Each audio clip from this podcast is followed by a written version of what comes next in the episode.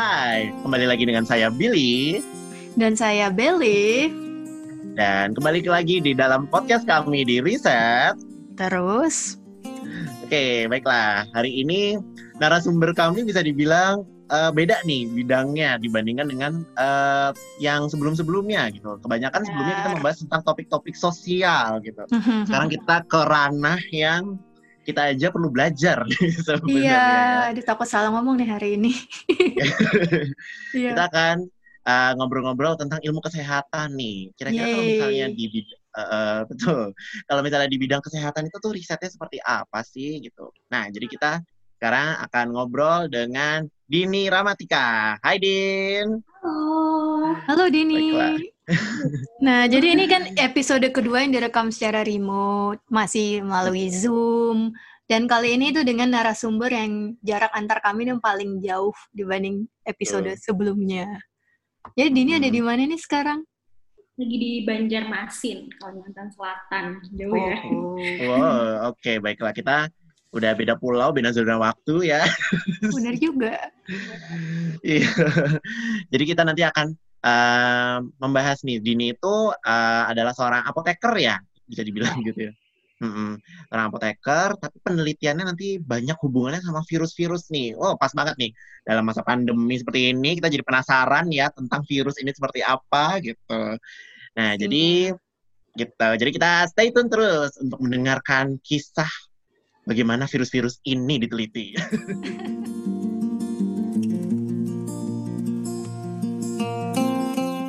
halo Dini, apa kabar? Oke, baik. Gimana yang di Jakarta? Oh, yang di Jakarta masih Seperti ini. ya PSBB. gitu. Oh iya, kalau di sana gimana Banjarmasin? Ah, udah mulai ikutan new normal sebenarnya, tapi belum begitu dibuka semua aksesnya juga sih. Hmm, di Hmm. Banjarmasin tuh ada PSBB nggak sih? Sejak kapan PSBB-nya? Ada PSBB, tapi lumayan singkat kalau kita bandingkan sama di tempat lain kayak di Jakarta dan Bandung. Kita sempat PSBB itu cuma mm, mungkin sekitar satu setengah bulan. Hmm. Oh, Oke, baiklah. Mungkin aku sedikit kasih pengantar ya, Dini itu siapakah Dini ini gitu. jadi Dini itu adalah jadi kita eh, sama-sama penerima beasiswa LPDP juga gitu. Eh, Yeay. aku sama Dini satu satu batch gitu, satu angkatan. Eh, eh, Dini itu akan menempuh pendidikan S3-nya di Oxford University gitu. Bidangnya apa ya di Oxfordnya, Din? Di Oxfordnya clinical medicine untuk bidang fokusnya sendiri itu virologi imunologi. Hmm. Oke ya, jadi virologi, imunologi. Wow, apa tuh virologi, imunologi? Nanti kita akan banyak bahas gitu. Nah, kesibukannya sekarang Dini itu juga adalah eh, menjadi dosen di eh, Lambung Mangkurat ya, gitu. Universitas Lambung Mangkurat di Banjarmasin di eh, farmasinya gitu. Nah, mungkin boleh sedikit Dini diceritakan gitu latar belakang pendidikannya, terus eh, apa namanya? Sekarang kesibukannya mungkin selain ngajar ada kesibukan lain gitu. Gitu, Oke, Eh, sebenarnya eh, untuk latar belakang sendiri itu aku aku aja ngomongnya ya. Ya. Jadi aku itu lulusan dari Universitas Erlangga Surabaya di bidang farmasi. Dan memang eh, di bidang farmasi sendiri itu kita ada beberapa kategori gitu. Jadi ada yang memang dia untuk risetnya dan ada yang untuk klinisnya. Nah, kalau waktu itu aku ngambil yang bidang untuk risetnya. Risetnya sendiri untuk waktu S1 itu aku udah ngambil tentang eh, inflamasi atau radang gitu. Di mana itu juga ada ada hubungannya sebenarnya ini akan berkaitan terus sampai nanti aku S3 gitu. Oh. Jadi waktu itu eh, inflamasi itu adalah salah satu si eh, respon dari imun sistem imun tubuh kita. Terus lanjut eh, habis lulus itu pernah kerja di rumah sakit swasta selama dua tahun di sini eh, di bagian IGD. Nah, terus baru setelah dua tahun itu aku lanjut lagi untuk S2 di Kanazawa University, ambilnya tentang virologi. Itu Hmm. meneliti tentang kanker dan hubungan kanker dan infeksi virus gitu. Oh, Soon, soon, semoga soon. semoga eh, bisa segera menempuh S3 untuk di S3 sendiri itu nanti aku akan join di Newfield Department of eh, Medicine itu General Institute University of Oxford untuk jurusannya adalah clinical medicine Bidang Hmm. fokusnya viral imunologi. Nanti akan berhubungan dengan uh, riset tentang virus lagi. Tapi Hmm. kali ini virusnya adalah uh, HIV atau Hum- Human Immunodeficiency Virus gitu. Hmm. Terus uh, kalau untuk kesibukannya sekarang, aku sih selain jadi dosen, jadi worknya itu dari gelap. Kalau orang kan 9 to 5 ya. Hmm. Kalau aku tuh worknya dari jam 8 sampai jam 10 atau jam 11 malam. Biasanya jam 8 pagi, iya. Hmm. Karena aku double job. Jadi Oh, 8, oke. 8 pagi sampai jam jam 4 jam 5 ya kita biasanya jadi dosen itu. Jam 8 jam 9 sampai jam 4 sampai jam 5 itu dosen. Terus habis itu lanjut lagi sekitar jam uh, sorenya setelah setelah setelah pulang jadi dosen itu aku jam 6 mulai praktek sebagai apoteker di Hmm. salah satu fasilitas kesehatan tingkat pertama itu bisa setara dengan puskesmas Hmm. sampai jam 11 malam. Jadi gitu terus repeat tiap hari. Wow, luar biasa. Sekarang kan kita WFH. Nih, Hmm. eh BTW ini hujan nggak apa-apa ya? Kedengeran Oh iya, nggak? apa-apa. Gak kedengeran? Nggak apa? kedengeran sih. Kedengeran. Gak kedengeran. Ah.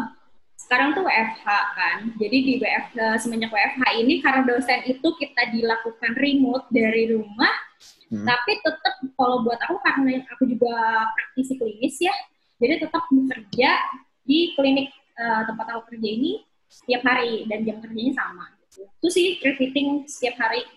Oh, oke, baiklah gitu. Dan itu kamu masih sempat juga melakukan riset gitu untuk penelitianmu. Iya, gimana tuh membagi waktunya? Bagi waktunya gimana tuh? Oh.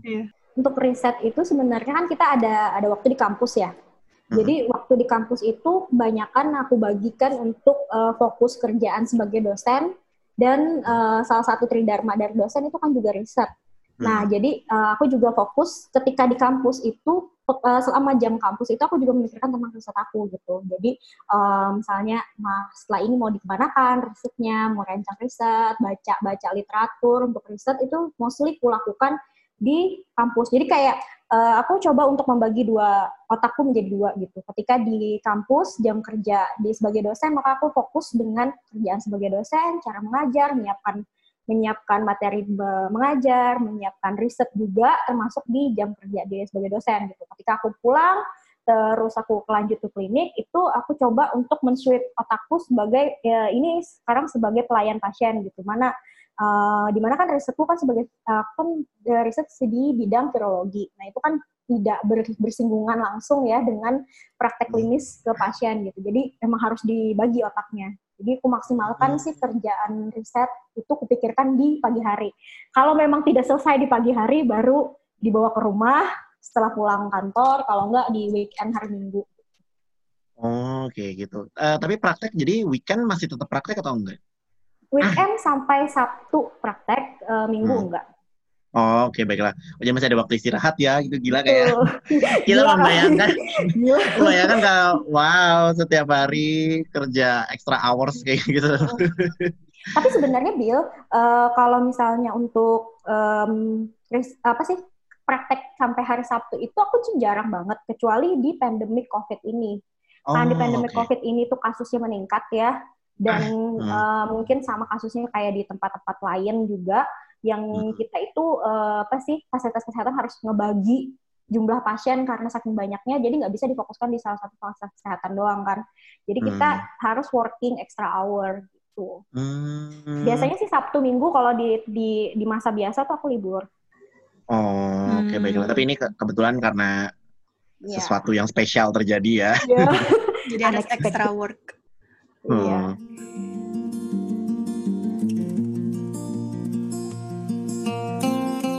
Menarik banget tuh dari S1 kayaknya apa yang kamu teliti dari S1, S2, S3 ini kayaknya eh, apa namanya? Bersambungan. bersambungan ya gitu. Jadi ada eh, benang merahnya juga nih Mm-mm, gitu. Nah mungkin sebelumnya dijelasin sedikit dulu kali ya. Tadi kan disebut ada virologi, imunologi itu sebenarnya eh, apa sih bedanya, Bedanya gitu? apa? Mm-mm. Oh. Oke, kalau virologi sendiri itu kita dari namanya ya, dari namanya kan kita adalah ilmu yang mempelajari tentang virus. Jadi kita pelajari itu karakteristik dari virusnya. Gimana virus itu bisa menginfeksi manusia? Virus itu Hmm. asalnya dari mana? Apakah dia bisa bermutasi kah? Bisa menjadi virus lain kah? Atau terus dia berkembang biaknya gimana gitu. Itu untuk virusnya sendiri, namanya virologi.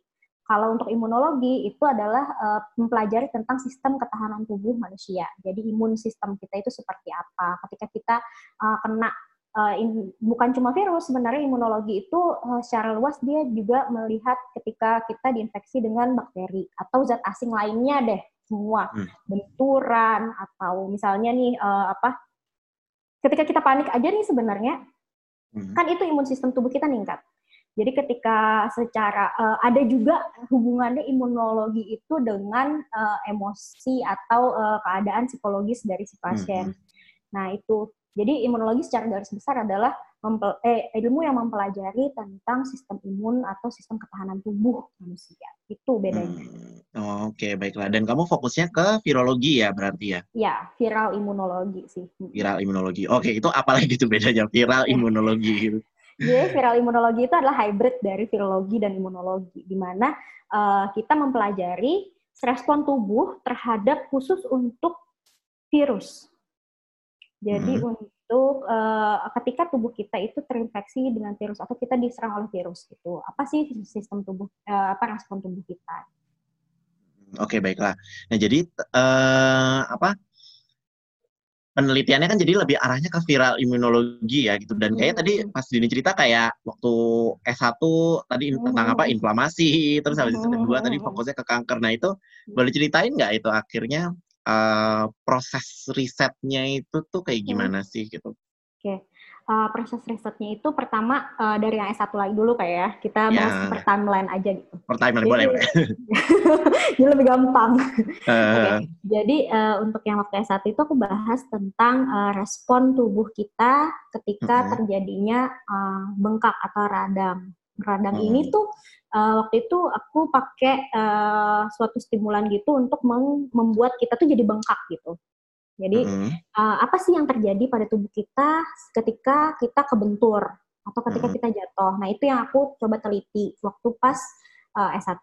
Nah lebih ke broadnya, lebih ke uh, sistem imun tubuh secara general. Sebenarnya kan kalau radang itu banyak macamnya. Kita demam aja itu bisa ada respon radang. Kita kebentur respon radang. Kita emosi juga ada apa sih perubahan emosional itu juga ada sistem radang gitu.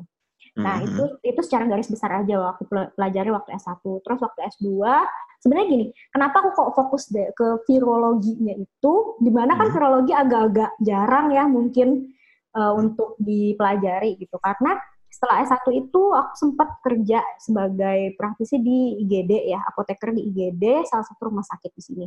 Dan aku tuh lihat di situ ternyata di Indonesia itu kebanyakan kasusnya adalah kasus infeksi. Kita itu uh, jadi penyakit itu terbagi jadi dua, ada infeksi ya, penyakit infeksi, ada yang non infeksi. Nah, uh, penyakit infeksi itu masih sangat tinggi di Indonesia kalau kita compare dengan negara-negara lain. Mungkin hmm. karena dan uh, infeksi di Indonesia itu kalau yang uh, aku pelajari itu dia semacam harus diteliti sendiri gitu. Karena hmm. kita ambil contoh waktu itu yang menginspirasi aku untuk ambil S2 adalah uh, kasus malaria. Di mana hmm. malaria itu di seluruh dunia hampir mungkin uh, sebagian besar dunia negara-negara di seluruh dunia itu udah selesai sama malaria. Tapi di Indonesia kita tetap masih facing the same problem sampai even sampai sekarang gitu. Oh, kok kenapa sih kok di negara lain udah bisa apa udah bisa selesai gitu masalah malaria kok kita nggak selesai? Ternyata setelah uh, aku coba coba ulik lebih lebih dalam gitu karena um, si faktor atau plus ada yang nama yang menyebabkan malaria itu ada namanya semacam parasit. Nah, parasitnya itu berbeda di tiap negara, bukan berbeda tiap negara, tapi berbeda yang ada di Indonesia dengan di negara lain. Sehingga pengobatan yang dipakai di negara-negara lain dan berhasil untuk me menghilangkan malaria itu tidak berhasil di Indonesia karena parasit kita berbeda. Nah, di situ mulai aku uh, apa sih tertarik dengan bidang uh, infeksi atau bidang penyakit bidang imunologi gitu. Hmm. Aku pengen lihat, oh ternyata nih kita peneliti di Indonesia pun harus bergerak sendiri karena kita punya, ibarat kata sampel yang berbeda dengan sampel di negara lain. Kita nggak bisa ngambil obat terus dari negara lain uh, yang belum tentu juga obat itu bisa sama problemnya dengan yang ada di Indonesia. Itu untuk itu untuk S2. Akhirnya aku ngambil S2 pertama maunya imunologi. Hmm. Imunologi general gitu. Terus uh, akhirnya karena ada ada peran dari profesor di sana sehingga di si profesor itu coba uh, dia nanya-nanya lagi kira-kira imunologi ini kamu maunya gimana sih? Gitu. Maunya mempelajarinya tuh di di bidang apanya? Gitu. Uh, terus aku bilang uh, yang kan banyak tuh kalau imunologi di Indonesia infeksi kan ada virus bakteri jamur uh, parasit dan segala macam. Nah sekarang aku tuh lebih lebih suka uh, lebih tertarik ke bidang virusnya karena virus tuh unik mungkin sama seperti kalau kita sedikit kaitkan dengan yang pandemik sekarang itu covid ya COVID itu kan dengan gampangnya dia menyebar, dengan gampangnya dia menginfeksi, dengan segampang itu juga nanti dia bisa bermutasi atau dia bisa berubah dari satu bentuk ke bentuk lainnya. Nah, itu sifat unik dari si virus. Dan kita, virus itu tuh tidak dengan gampang kita bisa lihat bentuknya, kita bisa uh, apa sih teliti uh, kita bisa bisa lihat respon tubuhnya seperti apa. Dan tidak gampang juga untuk kita hilangkan karena balik ke prinsip awal kita nggak dengan gampang mendeteksi virus sehingga akan sangat sulit kita untuk bisa me mengklaim bahwa oh orang ini sudah berhenti atau kita sudah sembuh dari virus tersebut. Karena untuk mendeteksi virusnya aja udah sulit gitu akhirnya hmm. oh iya udah uh, oke okay deh nah, sekarang aku mau mau fokusnya ke virologinya tapi mostly selama waktu S2 sih lebih fokus ke bidang imun imunnya berat di imunnya daripada di virologinya gitu wow tapi sebenarnya virus itu bisa punya dua sisi nggak sih hmm, bisa punya dua sisi sebenarnya Hmm, oh. Jadi uh, respon tubuh kita ke virus itu tergantung tiap masing-masing orang. Jadi ketika orang itu uh, merespon, makanya kan respon tubuh itu beda-beda tiap orang. Misal uh, Billy atau Belo kena influenza, responnya akan beda dengan ketika aku kena influenza gitu. Jadi itu hmm. tergantung si sifat si virus ini um, akan tergantung dengan respon tubuh orang tersebut. Tapi karena virus itu adalah makhluk yang sangat kecil dan kita dengan gampangnya bisa memodifikasi dia, kita bisa kayak memerintahkan virus itu untuk melakukan apa yang kita pengenin gitu. Hmm, hmm. oke okay, baiklah. Jadi uh, karena mungkin kalau di psikologi ada istilahnya ada individual differences gitu ya. Jadi ada perbedaan hmm. setiap orang unik gitu jadinya gitu. Betul. Dan dalam hal ini artinya uh, manusia itu juga unik ya dalam hmm. merespon si virus ini tuh akhirnya seperti apa gitu. Jadi oh, oke. Okay. Ya, ternyata dalam ilmu kesehatan pun juga apa ya bisa dibilang kita semua nggak mungkin nggak nggak sama ya jadinya ya bagaimana merespon terhadap virus ini gitu. Oke. Okay. Sebenarnya ini sama nggak sih sama kayak misalnya ini corona nih, terus ada orang yang kena, terus tiga hari kemudian meninggal, ada juga yang kena, terus juga asimpto. Asimptomatik ya. Asimptomatik gitu kan. Nggak ngomong hari ini. ya, itu sebenarnya mekanisme yang sama nggak sih? Mekanismenya sama, kurang lebih seperti itu. Jadi setiap uh, penyakit yang kena di tubuh manusia itu tuh beda-beda responnya. Mungkin ada orang yang makanya kita susah banget ya bikin guideline untuk corona ini sendiri karena ini tuh terjadi dari kita nggak bisa bilang oh orang yang usianya di atas 55 dengan misalnya dia punya diabetes dan dia punya hipertensi dia pasti kena corona uh, maksudnya uh, akan akan menderita corona yang parah gitu. Hmm. Tapi kalau nggak uh, bisa dengan dengan gampang kayak gitu karena beda-beda. Mungkin orang dengan umur yang sama, dengan penyakit yang sama, dengan uh, jenis virus yang sama yang menyerang dia, yang satu bertahan, yang satu enggak. Gitu. Hmm. Itu sih hmm. Oke, okay, gitu. baiklah gitu. Makanya kayak apa ya? Uh, ada vir apa? Ada orang yang kayak dalam waktu berapa hari uh, sakit tapi berapa hari kemudian bisa sembuh hmm. kayak sembuh sendiri gitu ya gitu. Tapi ada yang kayak hmm. berbulan-bulan hmm. akhirnya ya masih sakit juga gitu padahal udah sampai berapa lama gitu sakitnya hmm. gitu ya. Iya. Dan kalau kita mau sambungin ke corona itu ya, kenapa kita disuruh uh, eh, 14 hari kan hmm. untuk sos, apa sih kuarantin itu untuk mengkarantina diri sendiri itu kenapa sih 14 hari gitu? Hmm. Karena kita kita ambil jarak yang terpanjangnya. Mungkin kalau orang nanya, "Oh, aku habis jalan-jalan ke kota X yang di zona merah hmm. gitu. Kapan kira-kira aku tahu aku corona atau enggak gitu. Ya kita harus tetap bilang 14 hari karena sistem imun tubuh orang kan berbeda-beda tuh. Hmm. Ada yang dia baru kelihatan di, di hari kedua, hari ketiga udah kelihatan demam misalnya, terus sudah mulai batuk-batuk, ada ada penyakit hmm. sistem pernapasannya. Tapi ada orang yang butuh 14 hari baru kelihatan dia ada gejalanya atau enggak gitu. Hmm. Beda-beda tiap orang. Oke, okay, baiklah. Menarik sekali nih. Jadi ya ternyata apa ya jadi kamu cukup sibuk juga ya gitu ketika pandemi seperti ini kayak mungkin Iya. jadi banyak yang konsultasi nih sama Dini gimana nih kok virusnya nggak hilang-hilang gitu Ah, sayang banget nih ya, saya nggak ada di Instagram. Kalau nggak mungkin aku follow Nah, buat mendapatkan Nanti info. ini dari mutualan kita. Waduh. iya nanti kita nanti di follow Mutualan kita. mutualan dulu ya supaya Hmm. dapat info-info terkini tentang virus nih Betul. gitu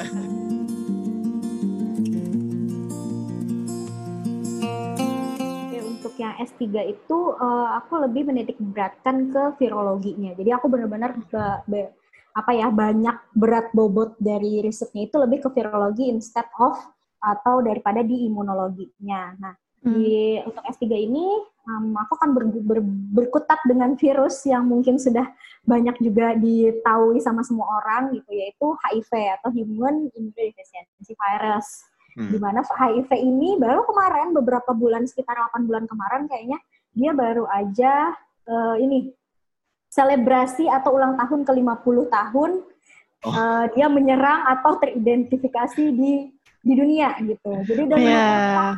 virus pun ada ulang tahunnya ya Sudah lihat Februari eh, Corona nanti ulang tahun tahun ini. nanti ada ulang Desember. tahun corona Ya, pertama. ulang tahun yang pertama dia nanti Iya. Iya. Eh Desember juga loh. Hi- HIV Desember juga kan HIV ya? juga Atau- Desember. oh oke ada apa nih dengan bulan Desember Bahaya. berbahaya. Ini udah 50 tahun gitu. Nah, kan sebenarnya eh, kalau misalnya dilihat virus itu dia ada tingkat kasta-kastanya juga kalau kita bilang itu. Jadi ada kasta virus yang dia dengan gampangnya diobati, misal kayak influenza. Semua orang pernah kena influenza lah ya. Kayak gitu. Dengan gampangnya kita bisa men-treatment influenza. Ada juga virus yang sampai di anniversary ke-50 pun kita masih belum tahu nih gimana cara menghadapi si virus ini. Yaitu Hmm. ini virus HIV. Kenapa sih?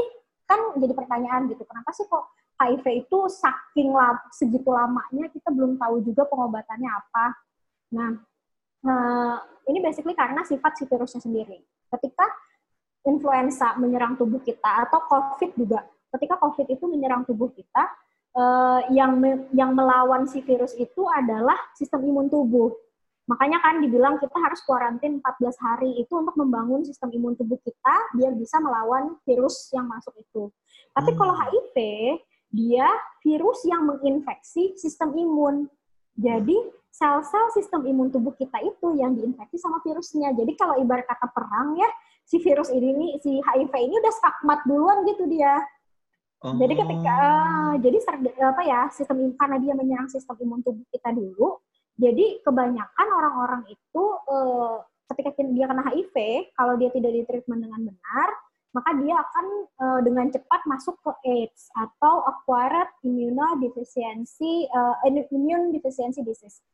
Nah, jadi eh, ketika sudah masuk ke AIDS, dia ke tahap AIDS itu berarti sistem imun tubuhnya atau apa sel-sel imun tubuhnya yang tidak terinfeksi itu sudah kalah jauh lebih banyak, eh, lebih sedikit jumlahnya dibanding dengan virus yang ada dalam tubuh karena eh, salah satu sifat virus itu dia harus masuk ke dalam tubuh manusia atau inang yang lain untuk dia bisa berkembang biak. Nah, jadi gitu di eh, si HIV ini dia justru menyerang sistem imunnya, makanya dia nggak bisa-bisa. Sampai sekarang kita obati gimana caranya. Dan pengobatannya pun so far yang banyak digunakan orang ada ARV itu antiretroviral virus. Nama eh, bisa di- didapatkan di puskesmas secara gratis Oh, bisa didapetin di, di di apa sih di rumah sakit secara gratis juga tapi di di di ARV sendiri dia juga cuma mengon- membantu kita untuk mengontrol jumlah virus dalam tubuh. Jadi ketika jumlah virusnya itu rendah, maka eh, nggak akan ada efeknya gitu, nggak ada sim, simptomatisnya kalau kita bilang nggak ada nggak ada kelihatan gejala apa pun di tubuh si pasien. Tapi kalau sistem eh, lagi jumlah virusnya lagi tinggi, itu maka pasiennya ya kayak pasien-pasien HIV yang bisa kita lihat di internet lah kayak gitu. Yang dia nggak punya, ah, yang dia apa sih? ditumbuhi jamur di se- di di badannya dan segala macamnya kayak gitu. Nah, Hmm. penelitianku untuk S3 nanti itu lebih ke gimana caranya kita mengembangkan virus dari eh sorry, mengembangkan vaksin dari HIV-nya. Hmm, Hmm. jadi vaksin dari virus. Iya, vaksin dari si HIV-nya itu sendiri Hmm, gitu. hmm, hmm. Gimana sih caranya kita mencegah kan? Maunya kan kalau si karena kita udah tahu faktanya ketika virus itu sudah masuk ke dalam tubuh dan dia sudah menginfeksi, itu sangat sangat kecil kemungkinannya kita bisa sembuh gitu. Adanya kita cuma mengontrol jumlah virus di dalam tubuh, tapi kita nggak bisa benar-benar sembuh atau benar-benar clear dari virusnya itu. Oh. Nah, di sini kita mau coba ngembangin gimana caranya kita eh, mengembangkan vaksin untuk pen- eh, untuk mencegah infeksi dari HIV. Hmm. Oke, jadi Secara jadi sup- supaya bisa menghilangkan benar-benar si HIV-nya itu ya jadinya ya. Mencegah di- eh, lebih lebih tepatnya untuk mencegah si HIV itu sampai dia eh, masuk fase infeksi. Oh, oke oke oke oke. Hmm. Wow. Mencegah sampai tahap infeksi. Oh, berarti itu sebenarnya Hmm. target ini kalau misalnya suatu hari vaksinnya ini jadi ya. Sebenarnya targetnya itu Hmm. orang-orang yang memang sudah rentan HIV, misalnya udah udah melakukan hubungan misalnya aja kayak hubungan seksual yang tidak aman, atau sebenarnya orang yang benar-benar masih sehat aja tuh anak-anak SMA gitu, mm, mereka yang mendapatkan vaksin ini. Jadi itu sejauh mana sebenarnya mencegahnya? Mencegahnya itu adalah me- eh, lebih ke orang yang sebelum be- ya semuanya sih sama, sama seperti kita vaksin polio. Jadi Mhm. divaksinkan untuk semua orang agar dia terhindar dari eh, si virusnya ini sendiri ya termasuk orang-orang dengan resiko tinggi HIV dan orang-orang misalnya anak-anak SMA atau anak-anak usia produktif lainnya gitu. Karena Hmm. sebenarnya kan HIV sendiri itu dia eh, gini, jadi ketika infek virus itu menginfeksi, dia itu ada beberapa tahap sampai dia kita bisa bilang infeksi. Tem- Mhm. Ada virusnya itu cuma masuk ke dalam tubuh kita. Ada yang virusnya sampai dia bisa berkembang biak di dalam tubuh kita. Nah, infeksi itu lebih ke ketika virusnya udah bisa settle di dalam tubuh kita, dia udah punya dapat rumah yang nyaman sehingga dia bisa ber, eh, apa, ber- berkembang biak gitu di dalam tubuh si Hmm. pasien ini. Nah, si vaksinnya itu mencegah sam, eh, mencegah si virus jangan dia bisa aja masuk, tapi jangan sampai dia bisa berkembang biak gitu. Sehingga nanti kalau dia masuknya dengan jumlah yang kecil kan sistem imun tubuh kita akan nyerang lagi si virusnya ini dengan gampang. Oh, Dia akan hilang-hilang sendiri aja gitu. Oke, baiklah gitu. Jadi sebenarnya yang akhirnya melawan virus itu sendiri itu sebenarnya adalah imun tubuh kita ya artinya ya. Hmm, hmm, hmm. Vaksin itu kan Oh. sebenarnya gitu. Yang melawan itu adalah imun tubuh kita sendiri. Oke, baiklah gitu. Oh, makanya akhirnya apa ya kayak misalnya di COVID ini kalau aku sih membayangkan ya, kan ada orang yang mencari vaksin, ada orang yang mencari obat ya jadinya ya. Oh, karena fungsinya ya beda ya obat sama Beda. vaksin itu. Oh, oke, menarik sekali ya ini. Jadi eh jadi mulai mengetahui betapa ribetnya dan betapa dalamnya penelitian-penelitian dalam ilmu kesehatan nih gitu. Jadi ya. iya. Iya, Apalagi- makanya masyarakat. Masyarakat tuh seharusnya sabar gitu. Sabar karena banyak banget tuh yang nanya, "Ini kapan sih vaksinnya ditemukan? Ini kapan sih obatnya ditemukan?" gitu ya nggak segampang itu juga gitu untuk Hmm. mengembangkan vaksin dan obat. Betul, betul. Kan sekarang Hmm. kan dulu awal-awal tuh ya saya juga belum begitu tahu beberapa lama sih sebenarnya ini em, riset yang perlu dilakukan dan juga eksperimen yang perlu dilakukan sampai vaksin itu tuh aman untuk diberikan secara ke publik gitu kan. Dipikir yang Hmm. oh ini nih udah trial nih, berarti kira-kira ya enam bulan lagi lah udah keluar. Hmm. Padahal tuh ya nggak semudah itu juga. Mungkin tahun depan Hmm. udah keluar aja tuh udah cepet banget kan ya. Biasanya Hmm. 2 sampai 5 tahun sih Aduh, pengembangan. Wow. Oke. Oke. aku isolasi. Baiklah. Sahabat riset, dengerin ya 2 sampai 5 tahun, geng. Jadi kita harus sabar. Dua itu paling cepet ya berarti. Iya, heeh. Hmm. Hmm. Iya sih emang sih. Wow. Mungkin ini jadi kata ini kali ya bisa dibilang ini jadinya suka dukanya sebagai seorang virolog ya jadinya Hmm, gitu. hmm, Iya, apalagi di di masa pandemi kayak gini, Hmm. Nggak kebayang sih maksudnya aku juga bukan yang terjun langsung untuk meriset tentang COVID ya, tapi nggak kebayang gimana pressure-nya orang yang me- me- meneliti tentang COVID, di mana dia meneliti penyakit itu di masa pandemik. Kalau misalnya aku nanti kan meneliti tentang HIV, tapi HIV kan bukan pandemik, jadi kita bisa alon-alon asal kelakon. Lakon. Oh iya benar juga ya. Kalau COVID ini pasti akan ada ya tekanannya kayaknya banyak ya gitu. Hmm, Maksudnya hmm. mungkin pemerintah juga akan ayo cepetan gitu gitu gitu iya, iya. Hmm. dan berbagai kepentingan juga ya gitu jadi dan ini artinya kayak sampelnya pun artinya kayak ngambil dari darah gitu atau Um, kalau nanti sampelnya aku itu ngambil dari pertama darah, terus eh, itu juga swab dari eh, ini bisa ngomong ini nggak sih organ tubuh nggak apa-apa lah ya. organ tubuh ya Nggak ya, jadi ada swab dari vagina. Jadi Hmm. de- de- apa sih swab ambilan dari sel-sel yang ada di dalam vagina itu kita yang dijadikan sampel untuk Hmm, penelitiannya. Oke, baiklah gitu. Oh, makanya ya kayak sama kayak COVID ini ya, swab test dari Swab test. nasal ya kalau ini kan Iya, dari iya. hidung Mm. gitu-gitu. Oh, oke. Oh, ternyata itu yang dilakukan oleh Mm. seorang virolog ya. Ini uh, tercerahkan jadinya sekarang logika kenapa melakukan swab test ngerti. Iya.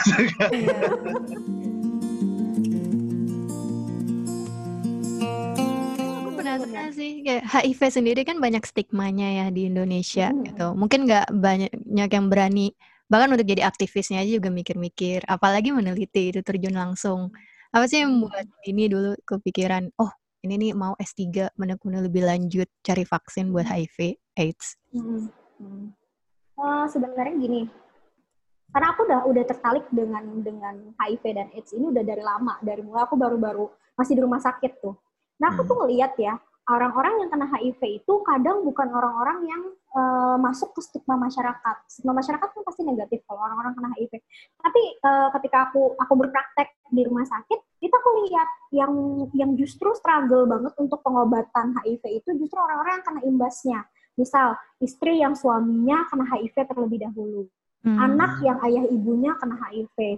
Jadi itu itu yang bikin aku bilang, oh berarti ketika orang mungkin oke lah kalau misalnya kamu melakukan hubung eh, free sex atau seks bebas, tapi dia sudah tahu konsekuensinya, itu kan namanya kons, kons, konsens, konsen, Konsen ya. ya konsen. Nah, ya dia udah Hmm. konsen gitu apa dengan dengan semua resikonya. Tapi gimana dengan istri-istri yang misalnya suaminya kena HIV tanpa dia si suaminya itu jujur. Kebanyakan tuh suaminya tidak jujur dia dia punya penyakit HIV atau bahkan tidak sadar dia punya HIV, akhirnya dia menularkan ke keluarganya sendiri gitu.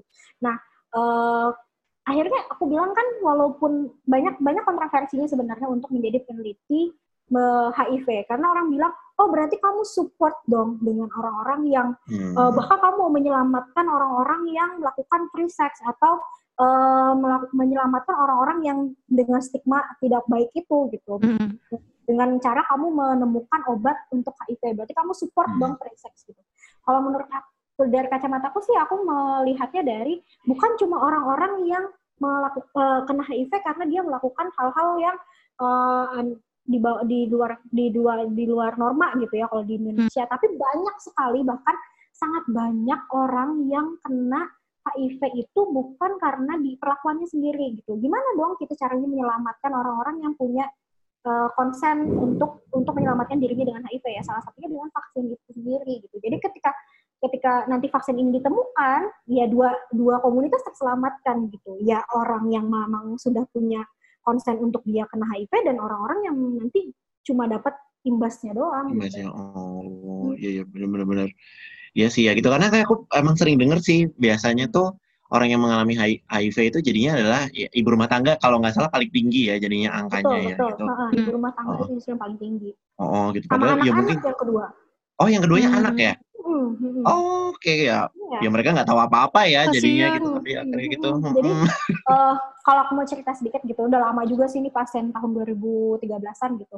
Hmm. Itu ada ibu rumah tangga yang dia nggak tahu suaminya kena HIV, akhirnya dia kena HIV, eh, dia hamil, dia lahirkan dan dia susui anaknya, akhirnya anaknya kena HIV dan si anak ini kan konsekuensinya dia harus minum obat seumur hidup Hmm. karena HIV tidak bisa sembuh karena eh, mungkin dengan cara kita dapat pengobatan HIV itu kita juga bisa menyelamatkan para ibu rumah tangga yang jadi korban dan anak-anak gitu karena kasihan banget anak-anak yang lahir dia sudah positif HIV.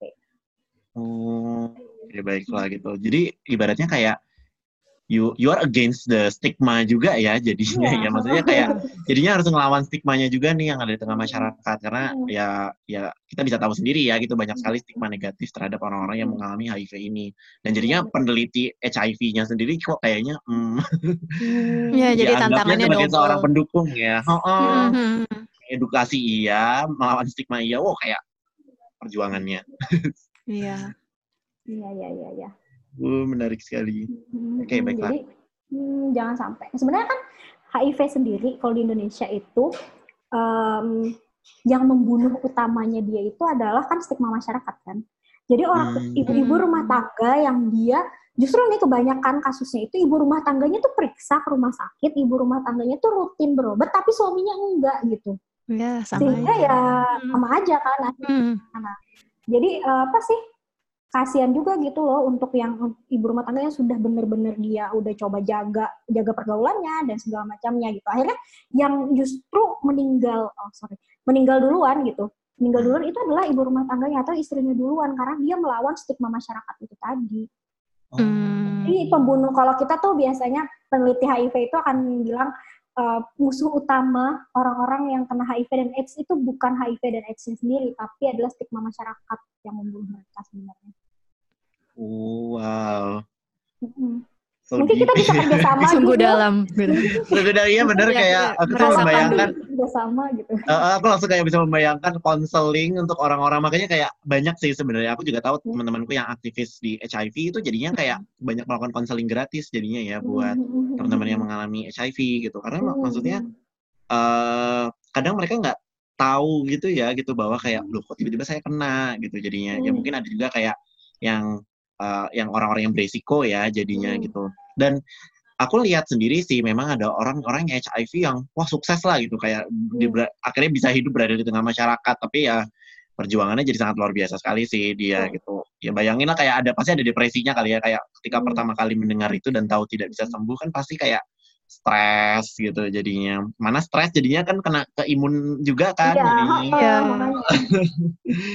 oh jadi bener sih ini perlu kerjasama kita Dit. dengan orang-orang psikologi juga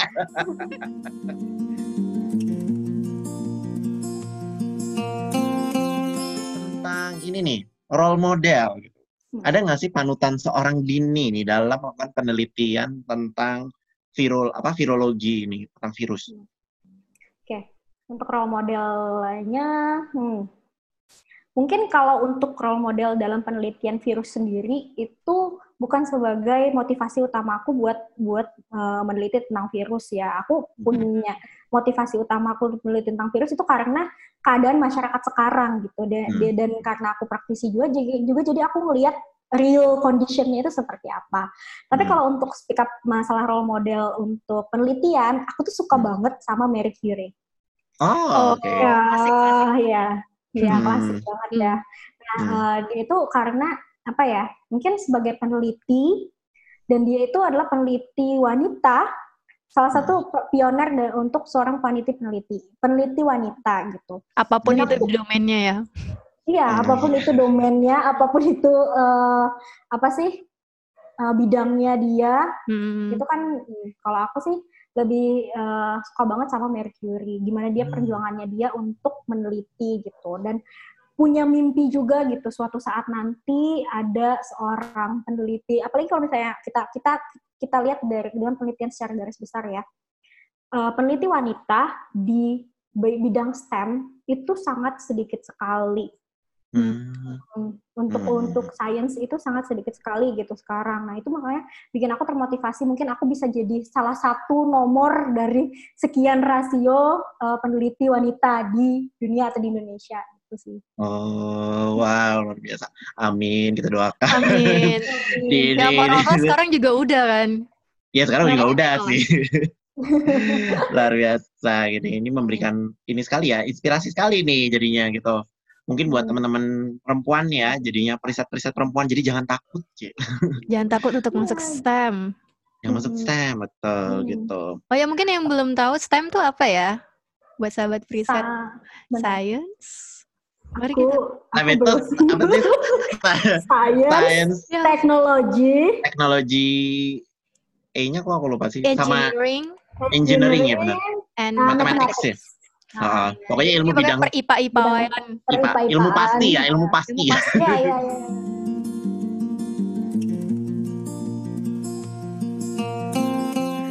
Gitu deh.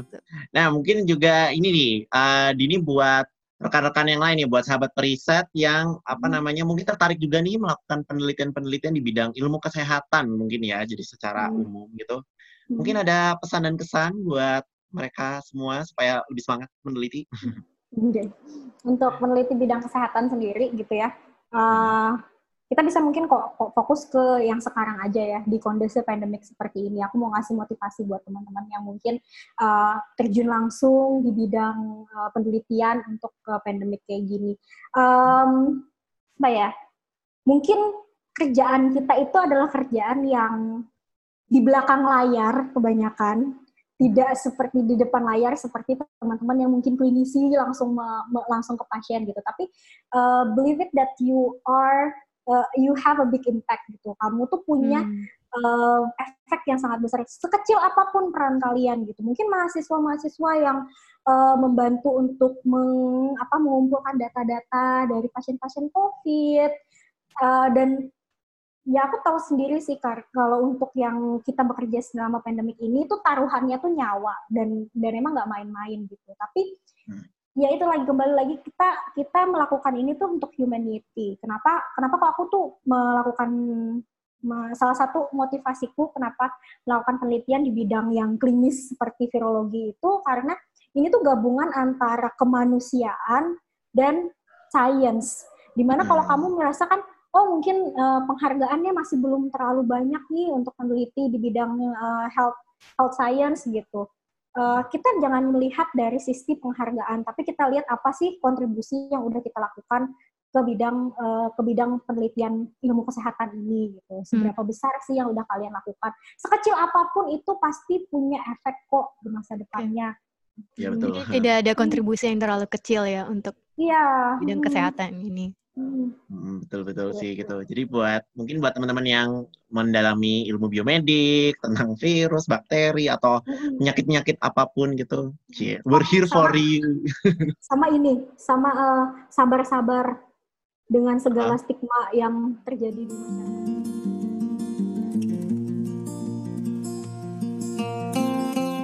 Oke, baiklah. Uh, Dini terima kasih banyak ya sudah kasih, Dini. sharing. Uh, banyak sekali kita kita mungkin apa ya uh, baru tahu juga ternyata sebegitu mendalamnya di dalam health science itu tuh se bahasanya apa sih seribet itu kali ya gitu bahasanya yeah. banyak sekali walaupun bahkan kamu mendalaminya baru di virologi doang nih padahal ternyata ada bidang-bidang lain nih yang bisa mm -hmm.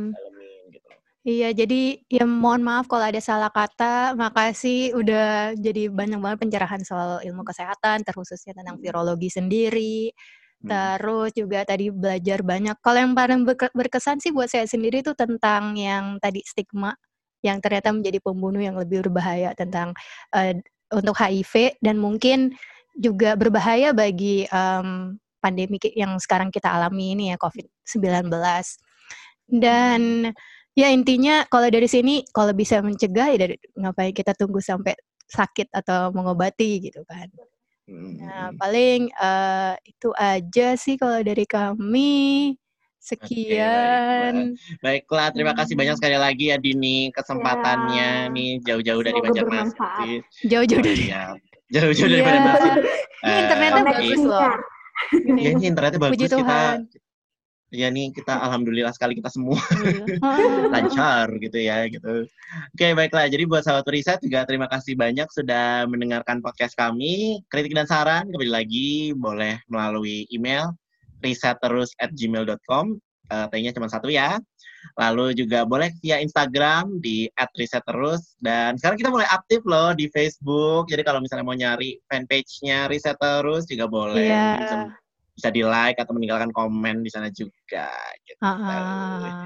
Itu baiklah. Jadi terima kasih banyak buat Dini dan terima kasih buat para pendengar. Kita akan uh, kembali lagi nanti ya. Uh, stay tune terus dan stay tune terus berada di podcast kami di Reset. Terus. Oh. Nah.